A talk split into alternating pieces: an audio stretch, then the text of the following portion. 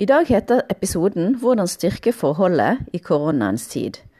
Med koronaviruset som herjer over hele verden, er det en perfekt tid å fokusere på hva man kan gjøre for å styrke det forhold man allerede har. Det er nok litt stor risiko å møte noen nye når myndighetene ber oss om å holde oss hjemme. I dag skal jeg snakke om åtte ting du kan gjøre for å styrke forholdet når man er sammen 24 timer i døgnet.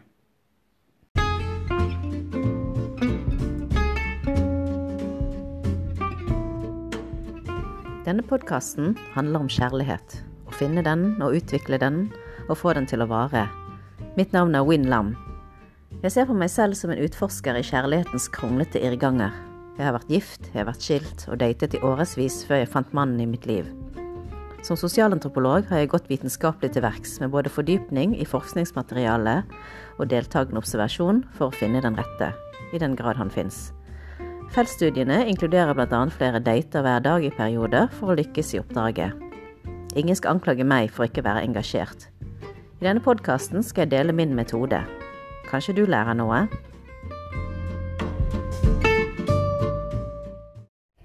Den perfekte tittelen for dagens episode hadde vært 'Kjærlighet i koronaens tid'. Men jeg ser at tittelen er litt utbrukt, så jeg måtte finne på noe annet. Koronakarantene kan være tidenes største utfordring man kan stå overfor i et forhold. Å være stengt inne i et hus sammen med sin kjæreste og barn i ukevis, kanskje månedsvis, og håndtere alle ting som irriterer deg ved partneren din nå når du må se ham eller henne i 24 timer i døgnet, det kan sette det beste forholdet på en prøve. Det blir interessant å se hvor mange forhold som blir styrket av dette her i forhold til skilsmisser. Siden min mann og jeg har jobbet hjemmefra siden august, har vi mye erfaring, så i dag skal jeg dele mine beste tips. Det første tipset er å se en serie sammen når barna har lagt seg. Eller enda bedre, se den sammen med barna. Det kan jo være en fin familieaktivitet som man ikke alltid tenker på. For ofte så blir jo foreldrene sitte ett sted og se på TV, mens barna sitter et annet sted. Men det er også noen serier som kan være veldig fint, spesielt hvis du har tenåringer. Jeg vil foreslå f.eks. For Sex Education, som er en veldig morsom serie om eh, ungdommer som finner ut hva sex er for noe. Og f.eks. Ragnarok, som er en norsk serie. Den kan jo være litt sånn barnslig, men det handler jo om ungdommer, og den er ganske underholdende. Eller Atypical. Det er min favoritt, som handler om eh, en gutt som, er, som har eh, autisme. Og jeg skal prøve å finne ut av ja, hvordan han skal bli voksen og sånne ting. Det er ganske interessant, og man kan uh, diskutere det med barna. Og selvfølgelig Modern Family. Det er jo en klassiker. Forslag nummer to er å spille et dataspill sammen. Det fins mange spill man kan spille med barna. WeFit er alltid morsomt, der du driver med forskjellige idretter og konkurrerer. Mario Kart er veldig morsomt. Det er et uskyldig spill om å kjøre om kapp. Og Rocket League, som er noe lignende. Det er helt sikkert noen spill som dine barn driver på med, som du ikke har prøvd, og som ikke er så vanskelig å lære seg. Det er bare til å spørre dem, og de blir sikkert glad hvis du vil involvere deg i spillivet deres. Forslag nummer tre er å finne en aktivitet sammen. F.eks. puslespill, bake sammen, gå tur. Ja, men alle burde jo gått en tur hver dag. Det er jo alltid bra. Jogging, rengjøring av huset kan jo bli et familieforetagende. Virtuelle museer, brettspill. Lag mat sammen, middagen f.eks. Det er mange ting man kan tenke at eh, man bør gjøre sammen, hele familien, og ikke bare mor eller far bør stå og lage mat. Forslag nummer fire å finne en hobby sammen med barna og eller ektefellen. Dere kan f.eks. plante noe, en urt eller en blomst, og se den vokse sammen. Kanskje begynne å male. Det kan jo være morsomt. Altså male hus er kanskje ikke så spennende, men kanskje male bilder. Det kan jo være noe morsomt man kan gjøre, og det er mange YouTube-videoer som viser deg hvordan du gjør sånt. Det er liksom en måte å begynne å tenke helt nytt på. Eller f.eks. å lære et nytt språk. Det er bare til å laste ned duolingo, og så begynner man. Og hvis det er et språk som ingen andre kan, så er det jo fint å starte fra null. Forslag nummer fem er å lese en bok dere kan diskutere. Dere kan jo begynne å lese f.eks. 'Menn er fra Mars og kvinner er fra Venus'. Det er en ganske interessant bok da, med noen teorier om hvorfor menn og kvinner er så forskjellige. Eller dere kan lese en av Gottmanns bøker om forhold eller barneoppdragelse og diskutere det. En klassiker som du alltid hadde tenkt å lese, kanskje 'Kjærlighet i koleraens tid', kan være relevant. Eller en krimbok. Det er mange muligheter, og eh, bøker er alltid fine å diskutere sammen. Forslag nummer seks er å snakke sammen om verdier og drømmer. Det er jo sånne temaer som man ikke får gjort unna når eh, man har en veldig trav hverdag. Men eh, nå er tidspunktet, når man har all denne tiden sammen, å snakke om hva som er viktig for deg. Er det noe du vil gjøre før du dør? Nå er tidspunktet å snakke om dine dypeste drømmer for fremtiden. Og for en gangs skyld, tenk på deg selv, ikke bare på barna eller de andre rundt deg. Men har en tendens til å gli fra hverandre når man har vært sammen for lenge. Og nå er tiden til å finne tilbake til hverandre. Hva var det som gjorde at dere falt for hverandre? Finn tilbake til de gamle følelsene. Finn tilbake til det dere gjorde i starten, og kanskje dere kan gjøre det igjen. Forslag nummer syv er å ha så mye sex du kan. Men et mål bør være to ganger i uken. Forskning viser at de lykkeligste parene har god sex. Og for de som har hjemmekontor, er jo dette noe å satse på. Hvert fall prøve. Journal of Sex Research kartla nesten 40 000 ektefeller og eller samboere med gjennomsnittsalder 40 for kvinner og 46 for menn, for å kunne si noe om seksuell tilfredsstillelse og lykke. Av de som var tilfredse, hadde 80% av dem sex én eller to ganger i uken mens bare en fjerdedel av de som ikke var tilfredse, hadde så mye sex. Så det er ikke noen garanti for lykke, men det skader ikke å sikre seg. Dette med at de lykkeligste parene har sex to ganger i uken, har blitt studert før, men det er uklart om de har sex fordi de er tilfredse, eller tilfredse fordi de har sex. Det er lite som kan binde to mennesker sammen så tett som når du har sex. Den cocktailen av hormoner som utløses ved orgasme, er noe av det viktigste som holder kjærligheten i live. Sex kan i tillegg senke blodtrykket og stressnivået, og redusere angst. Dette er jo perfekt for koronaangsten. Sex kan også ha en positiv innvirkning for folk som sliter med søvnproblemer. Hvordan ligger du an når det gjelder gjennomsnittet? En amerikansk studie fra Kinsey Institute i 2016 viser at 46 hadde sex et par ganger i måneden. 34% av ekteparene hadde sex to-tre ganger i uken, og 7% hadde sex fire ganger i uken. Men dette er også eh, varierende i forhold til alder. Og hvis du er fra 18 til 29, så er gjennomsnittet to ganger i uken. 30 til 39 år 1,6 ganger i uken. 40 til 49 hadde 1,3 ganger i uken. Så det er bare til å regne ut hvor gammel du er i forhold til gjennomsnittet. Men uansett er det kvaliteten som teller. Hvis du har dårlig sex, så er det ikke vits i. Ta den tiden du trenger, og slapp av. Det nytter ikke å ha sex bare for å ha det. Begge må nyte det. I forbindelse med det forrige forslaget, så er åttende rådet er å snakke med barn om sex. Dette er det perfekte tidspunktet å normalisere sex. Barn bør jo vite at voksne gjør dette her. De har sikkert sine mistanker fra før. Og det er sikkert lettere å snakke om sex med mindre barn enn med ungdommer. Ekkelt vil de nok synes at det er uansett. Det viktigste er å få dem til å forstå at voksne trenger sin alenetid. Du tenker at det kanskje er skolens ansvar å snakke med barn om sex, mens neststedet Barnevakten skriver at 42% av ungdom i alderen 13 til 18 sier at de har sett på porno på nett. Dette ble publisert av Barn og Media i 2018. Og i England fant British Board of Film Classification i en kartlegging at 75% av alle foreldre som ikke tror at barna har sett på porno, men det viser seg at 53% dvs. Si litt mer av halvparten, har sett det. Nå til dags er det dessverre den vanligste kilden for barns læring av hva sex er, og det gir de fleste barn og ungdom et dårlig selvbilde, og mange føler skam når de ser på disse filmene. Det er viktig å forebygge at barn tror at sex skal være som pornofilmer, og at menneskeskroppen må se ut som skuespillerne. Og det er viktig at foreldrene viser at de liker hverandres kropper akkurat som de er. Og nå er det det ideelle tidspunktet for å snakke om dette. Lykke til! Oppsummert er de åtte tingene man kan gjøre for å styrke parforholdet, og kanskje hele familien. 1. Se en serie sammen. 2. Spill et dataspill sammen. 3. Finn en aktivitet sammen. 4. Start en hobby sammen. 5. Les en bok dere kan diskutere. 6. Snakk om verdier og drømmer. 7. Ha mer sex. 8. Snakk med barna om sex.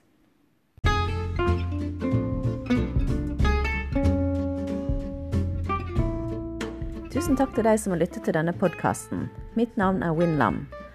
Du kan abonnere på denne podkasten slik at du får varsel hver gang det kommer en ny episode. Hvis du deler den med venner og kjente, kan vi kanskje sammen spre kjærligheten. Du kan også få tips om kjærlighet og lære om min metode på bloggen min, topplovetips.com. Der er det artikler om hvordan du kan møte en kjæreste, tips om hvordan du kan vurdere om han er noe å satse på, og hvordan du kan få forholdet til å vare. Sjekk det ut. topplovetips.com. Dating i koronaens tid. Sist gang snakket jeg om hvordan par kunne styrke sitt forhold og familien. Da fikk jeg spørsmål om hva single kunne gjøre nå i koronaens tid. Mitt beste tips må være dating på Skype. Videomøter der du kan se og snakke med hverandre. Jeg hadde faktisk flere første date med menn på Skype i min tid. Noen fordi de ikke bodde i Norge, andre fordi vi ikke fant noe tidspunkt for å møtes i nær fremtid. Jeg tenker at møter på Skype faktisk kan være en god måte å skille klinten fra hveten. I denne episoden skal jeg beskrive steg for steg hvordan man kan starte en datingkarriere på nettet. Så det kan kanskje være litt kjedelig for de som ikke er interessert i akkurat det temaet, men eh, man kan jo lære noe nytt også. Ok, Så det første steget er hvordan du kan lage en idiotsikker internettdatingprofil. Det første steget er selvfølgelig å lage en god profil. For profilen må jo være ganske god. Og jeg er jo ikke akkurat en veldig vakker dame, så jeg tenkte at eh, ja, vi må jo bare gjøre det beste ut av det man har. Så det viktigste er at man finner et bilde som representerer deg sjøl. Altså et bilde som sier noe om deg. Ikke nødvendigvis der du er penest, men som sier noe. F.eks. hvis du liker å lese, ta et bilde av deg og bøker. Hvis du liker å jogge, ta et bilde der du løper. Hvis du ikke vil at menn skal bare ha deg for sex, bør du definitivt ikke ha et bilde der du viser kløft. Jeg fikk et tips av en mann jeg møtte på en internett, at jeg kunne lage en profil som på et bilde Jeg fikk et tips fra en mann jeg møtte på internett, at jeg kunne lage en profil på en side som heter Hot or Not. Man kan legge ut bilder der man får stemmer for bildene. Ved å bruke det programmet kan man se hva slags bilder som menn syns er fine, og noen ganger er det ikke de bildene du tror er fine, som får mange stemmer. Så da fikk jeg jo tenkt godt gjennom hvilke bilder som kan være attraktive. For det er ofte bilder som sier mye om deg sjøl, ikke de mest glansede bildene. Og i forbindelse med å lage en god profil, så er det veldig viktig å skrive noe som sier noe om deg. Noen skriver nesten ikke noe i det hele tatt. Jeg mener at en grundig profil viser at man er seriøs. Skriv slik som du snakker, det gir et inntrykk av hvordan du er som person. Det er ikke alltid så lett å finne de rette ordene, men se på det som et jobbintervju. Det er fint med øvelse å si litt om seg selv. Det er uansett noe du må gjøre når du møter nye mennesker. Du må være bevisst hvordan du fremstiller deg selv. Alle mennesker har mange dimensjoner. En person kan være både seriøs og leken, men det kan variere også fra dag til dag. Noen tar livet veldig alvorlig, mens andre tar ting som de kommer. Det grunnleggende synet på livet er viktig, og det er slike ting som kan ødelegge for et forhold i det lange løp. En annen ting jeg syns er viktig, er synet på penger og bruken av penger. Noen bruker penger innenfor det de har råd til, mens andre satser på kredittkort til å betale for sin livsstil. Noen bruker penger på dyre måltid, mens andre vil bruke penger på jaktutstyr. Hvis man har felles økonomi, vil man før eller siden begynne å krangle. Hva er deal-breakers? Vær tydelig. Så det første punktet var å lage en god nettprofil. Punkt to er å være åpen for uventede og utypiske menn. Dette tror jeg er det beste tipset jeg kunne fått da jeg startet på nytt. Mange kvinner mener at de har en type, men spesielt når man er i runde nummer to eller tre eller fire for den saks skyld, må man være åpen for noe nytt. Det er en grunn til at, jeg i det, forrige det er en grunn til at det forrige forholdet ikke gikk. Når man dater etter et langt forhold, er det fint å gå ut med noen som er helt annerledes fra det forrige forholdet. Hvis man har vært i et langt forhold, vet man ikke helt hva man vil ha, så det er lurt å finne ut noen som er helt annerledes enn eksen. Hvis du har en forkjærlighet for siviløkonomer, kan du kanskje gå ut med en grafisk designer eller en elektriker, kanskje til og med en sosionom. Kanskje du tenker at livet er lettere å finne noen uten barn, eller som ikke har små barn, men jeg tenker at du aldri kan vite hvordan dette vil påvirke forholdet du går inn i. Møt personen og bli kjent med dem. Jeg vet om noen som har ganske store barn, men som er ganske rigide, mens andre som har mindre barn, kan være ganske avslappet. Noen foreldre som er skilte, har veldig dårlig samvittighet og behandler dagens noen foreldre som er skilte, har veldig dårlig samvittighet og behandler de dagene barna bor hos dem, som helt hellige og urokkelige. Dersom de tenker at 16-åringer sitter og snakker med dem hele tiden når de er hos deg, og ikke klarer å varme opp sin egen mat. Så hvis du går ut noen timer, vil de dø av sult og ensomhet. Andre går til det andre ytterpunktet, der de ikke bryr seg om barna i det hele tatt, og tenker bare på å realisere seg selv og sin kjærlighet. Men hvordan håndterer man skilte barn? Men hvordan skilte får håndtere barna sine, sier ganske mye om dem som personer. Er de omsorgsfulle? Er de tynget av sin samvittighet? Er de avslappet, men samtidig bryr seg om barna? Har de tillit til barna, eller syr de puter under armene deres? Dette kan være ting som kan være kilder til konflikt i det lange løp, hvis dere har helt forskjellige måter å oppdra barn på. Jeg har en kollega som måtte flytte fra en mann som var helt gal etter henne, men hun klarte ikke å se på hvordan han skjemte bort sine egne barn mens hun prøvde å lære sine barn å bli selvstendige individer. Et annet nettdatingtips er ta kontakt med noen profiler du syns er interessante. Ikke tenk på fremtiden. Tenk bare på at du vil møte noen nye, interessante mennesker. Ta styringen over ditt eget liv. Noen tenker at det er bedre å la menn ta initiativet, for da virker du mer kostbar. Men i virkeligheten spiller det ingen rolle. Moderne menn liker kvinner som vet hva de vil. Noen vet ikke at de vil det ha det engang, men stol på meg, du vil ikke ha en mann som bare vil ha en underdanig kvinne. Ideen om at kvinner skal sitte og vente på en mann, lever dessverre i beste velgående hos noen, til tross for at mange snakker om likestilling. Punkt tre er å bruke tid på å bli kjent. Nå har du laget en god nettside, og du har uh, møtt noen. Nå må du bruke tid på å bli skikkelig kjent. Det er viktig å møte folk raskt. Nå er det jo korona, så det er ikke så lett, men jeg skal komme med et forslag på slutten av dette punktet. Men det er viktig å skille interesse fra investering. Du kan vise at du er interessert i noen uten at du tenker at det er langsiktig. Og ikke alle forhold er ment for å vare. Det høres kanskje vanskelig ut å holde følelser tilbake, men det er ofte det lureste. Gjennom mange års erfaring har man lært at man ikke kan stole på alle man møter. Ikke fortelle alle hemmeligheter til nye venninner før de forteller den fortjener Gjennom mange års erfaring har man lært at man ikke Gjennom mange års erfaring har man lært at man ikke kan stole på alle man møter. Ikke fortelle alle hemmeligheter til nye venninner før de fortjener den tilliten. Men noen kvinner åpner hjertet sitt for nye menn som de nettopp har møtt. Etterpå blir de såret fordi de var sikre på at det var kjemi, og at de hadde det så fint der og da.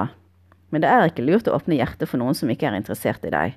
Åpne hjertet for de som har åpnet hjertet sitt for deg, og viser at de bryr seg om deg gjennom handlingene, ikke bare tomme ord eller tomme gester.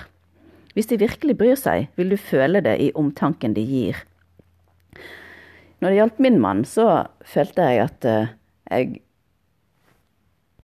Det er mange måter å vise omtanke på, og da jeg traff min mann, fikk jeg en gave av ham som jeg syntes var utrolig søt og rørende. Jeg fikk en gave av ham kanskje fjerde eller femte gangen vi traff hverandre. Det var en blå krakk med grønne prikker som var pakket elegant inn i en sølv- og gullpakkeeske. Esken var faktisk dyrere enn krakken. Hva, tenker du kanskje.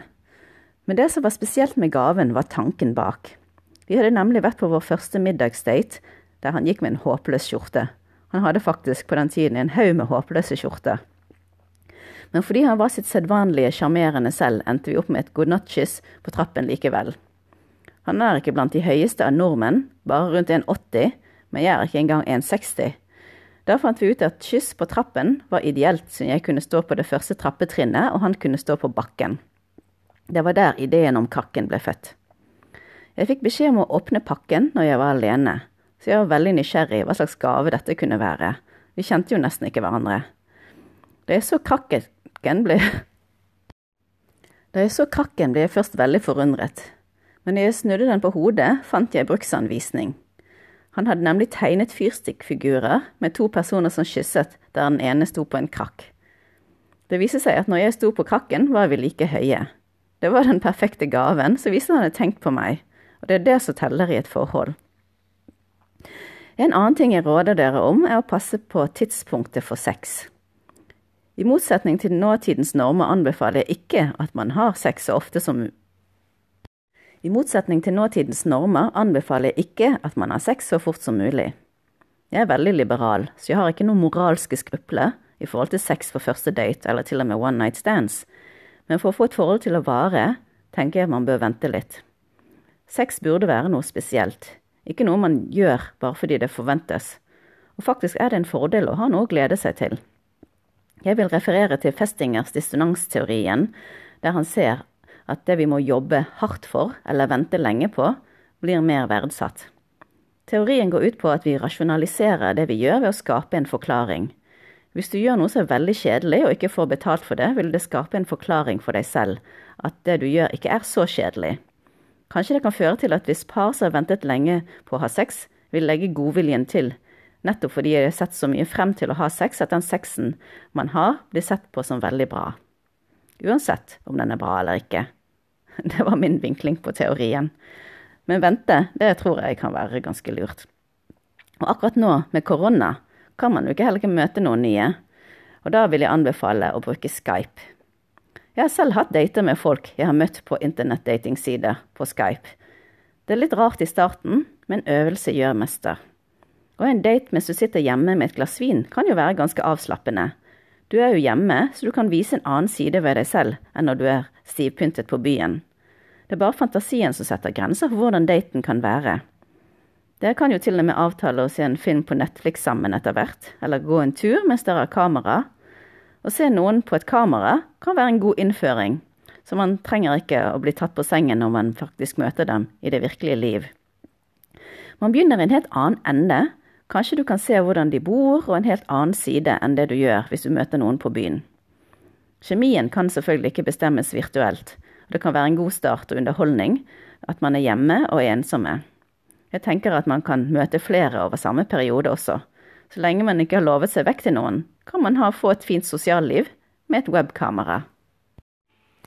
Et tips kan være å lage en egen profil på Skype som bare blir brukt når du møter ukjente mennesker, der du kanskje bare har fornavnet ditt. Jeg pleide heller ikke å gi bort mobilnummeret mitt før jeg møtte noen første gangen. Jeg ville ikke at noen skulle vite hvem jeg var før jeg hadde truffet dem og vurdert om de var galninger. For det fins jo selvfølgelig. Jeg har hørt en del rare historier, men jeg tror jeg var ganske heldig, for jeg møtte aldri noen som jeg vil vurdere som det. Og eh, hvis man finner tonen, kan jo det også være mulig å ha cybersex. Og med cybersex tenker jeg ikke på dickpics. De menn som tenker at en ukjent penis tenner kvinner, har virkelig misforstått. De fleste kvinner blir ikke tent av å se en penis.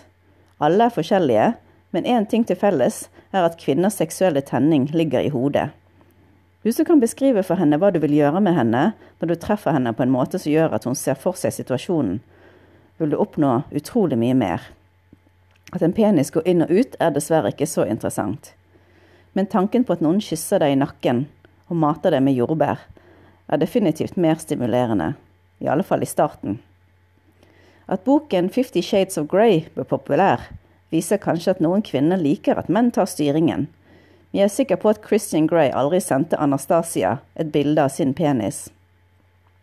Så dette er utfordringen for alle menn som hører på denne podkasten. Beskriv for kvinnen hva du vil gjøre for å hisse henne opp. Og for kvinner, så tenker jeg at det er litt lettere. De fleste menn blir veldig raskt opphisset, spesielt når det er en ny kvinne i bildet. Så din jobb er å holde tilbake. Ikke la han slippe unna med hva som helst. Hvis han slipper unna med hva som helst i starten, så vil han heller ikke anstrenge seg seinere i forholdet. La oss ta et eksempel da, på noen jeg møtte på internett, som jeg eh, bare møtte på eh, Skype. Det var en fyr jeg traff. Han var faktisk veldig hyggelig på en internasjonal datingnettside, og han bodde i Australia. Han var gift, men hadde ikke lenger sex med sin kone, fordi han klarte ikke å få orgasme med henne. Hun var altfor krevende. Jeg tror hun skremte han litt. Derfor laget han seg et harem på internett med kvinner han aldri møtte i det virkelige liv. Jeg ble invitert til å være med i dette haremet, og dette innebar at man kjøpte en dildo som han anbefalte, og møtte opp på Skype på en gitt tid. Det var ganske sært. Men jeg er jo ganske nysgjerrig, så gikk med på å møte han sammen med en annen dame. Og til tross for min nysgjerrighet klarte jeg ikke å bli der når de skulle begynne å kle av seg. Det ble for sært for meg. Men det kan jo være morsomt hvis man har slike preferanser. Poenget er at det er ganske uskyldig moro, og man kan treffe hyggelige mennesker også. Punkt fire. Det er å velge smart, og da vil jeg igjen anbefale heisteorien, som jeg har snakket om så mange ganger. Nå når dere har møtt hverandre, på enten i virkeligheten eller i, på Skype, så er det jo viktig å bestemme seg etter hvert om man vil satse på forholdet. Jeg tenker alle, altså Punkt 1, 2 og 3 er liksom bare en slags bekjentfase. I den fasen så tenker jeg at det er viktig å ikke liksom falle pladask for noen. Jeg har snakket om heisteorien i en tidlig episode, og den handlet om å skille Clinton fra hveten. For etter at du er blitt kjent med en mann eller en dame, kan du anvende heis. Banker hjertet ditt hardere? Gjør det at du får deg til å føle deg bra? Får du en sånn egoboost? Føler du deg inspirert? Er dere seksuelt kompatible? Er følelsene gjensidige? Hvis de fire kriteriene er oppfylt, er det bare til å satse. Hvis ikke, så vil jeg anbefale at du bare går videre. Gå videre hvis han ikke passer. Det er femte punkt. Den innstillingen man har når man dater, er å være åpen. Det er ikke sikkert at man møter en som man passer godt sammen med med en gang. Men hvis du er nysgjerrig, kan du møte noen som har noe til, til felles med, og kan gjøre ting sammen. Jeg er sikker på at man før eller siden kan finne noen, men det kan hende at det tar tid. Jeg tror det tok seks år før jeg traff Vegard, med dating og prøving og feiling. Jeg hadde nok en tendens til å stupe inn i forhold. Var vel aldri uten en slags kjæreste noe mer enn noen få måneder om gangen. Jeg var ganske flink til å gå videre, fordi jeg stoppet opp og vurderte med heisteorien med jevne mellomrom. I starten kan det føles som man har hele heisen, men etter tre måneder kan det vise at det ikke stemmer likevel. For kjærlighet gjør blind, eller egentlig forelskelse gjør blind. Man kan ikke beskytte hjertet sitt totalt uansett. Hvis man ikke satser, kan man heller aldri vite om et forhold har noe for seg. Man lever bare én gang. Og et liv der man beskytter seg fra å leve, er også ganske trist. På veien har jeg møtt ganske hyggelige menn som har blitt bekjente eller venner. Og selv om det ikke er kjærestemateriale, kan de være fine mennesker likevel. Oppsummert er de fem stegene ved internettdating nummer én lag en god profil. Nummer to vær åpen. Nummer tre bruk tid. Nummer fire bruk heisteorien. Nummer fem gå videre hvis han ikke passer. Og spesielt er tips når det gjelder dette koronaviruset, er å date på Skype. Det kan virkelig anbefales. Og hvis du vil gå videre til cybersex, så er jo det egentlig ganske uskyldig. Man kan i hvert fall ikke få kjønnssykdommer. Og, og spesielle tips ved dating i koronaens tid er dating på Skype. Det kan virkelig anbefales. Det er ikke så farlig, og det sparer tid og penger. Og hvis man passer sammen, kan man jo prøve cybersex eller telefonsex. Så lenge du tenker gjennom hva som er dine grenser, og vet at noen kan ta opptak hvis du viser for mye og dermed kan utnytte deg, er det bare fantasien som begrenser alt du kan gjøre.